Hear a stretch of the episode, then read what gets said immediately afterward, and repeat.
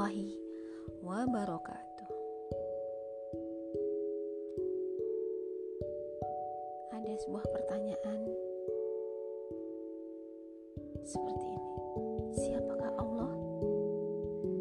Tidak ada yang dapat menjelaskan siapa Allah. Segala pengetahuan yang benar tentang Allah bersumber darinya sendiri. Oleh sebab itu, untuk mengetahui siapa Allah, cara yang tepat adalah membaca dan memahami firman-Nya, yaitu Al-Quran.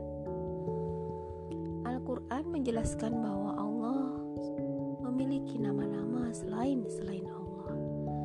Beberapa di antaranya adalah Al-Khaliq, Ar-Rahman, Ar-Rahim, dan masih banyak lagi yang lainnya.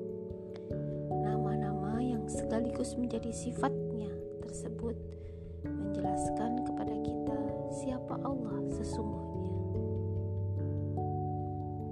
Al-Khaliq artinya pencipta.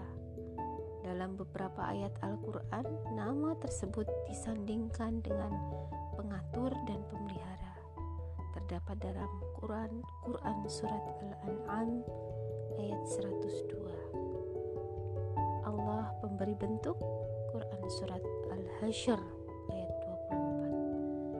Allah Maha Perkasa, Quran Surat Ar-Ra'du ayat 16. Allah pemberi rizki, Quran Surat Fatir ayat 3. Penjelasan mengenai nama Al-Khaliq tersebut menempatkan Allah sebagai Rabbul Alamin, yaitu Tuhan semesta alam.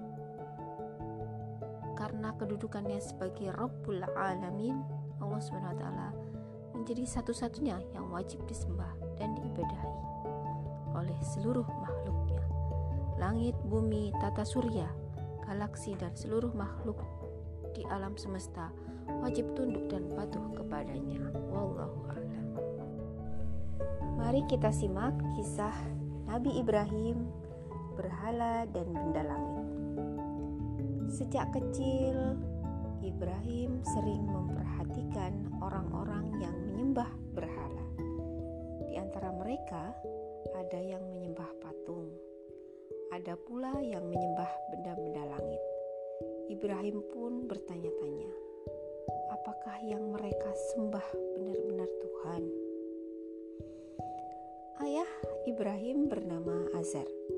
Dia adalah pembuat patung berhala. Banyak orang yang membeli patung kepadanya untuk disembah. Saat Ibrahim tumbuh dewasa, beliau bertanya kepada ayahnya, pantaskah patung-patung itu disembah?" Mendengar pertanyaan Ibrahim, marahlah sang ayah. Namun, Ibrahim tidak menyerah. Beliau yakin patung-patung itu bukanlah Tuhan yang pantas disembah. Ibrahim juga sering memperhatikan langit. Hal itu dilakukan karena beliau melihat orang-orang juga menyembah benda-benda langit.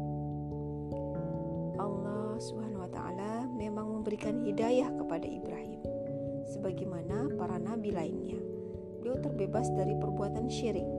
Beliau telah memiliki keyakinan fitrah hanya Allah taala Tuhan alam semesta ini.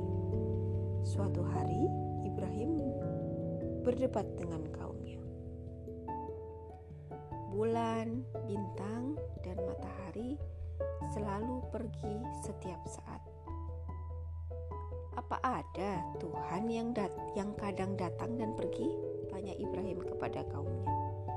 Ibrahim pun menegaskan, benda-benda langit itu bukanlah Tuhan. Benda-benda itu sama halnya seperti berhala. Namun kaumnya tetap menentangnya.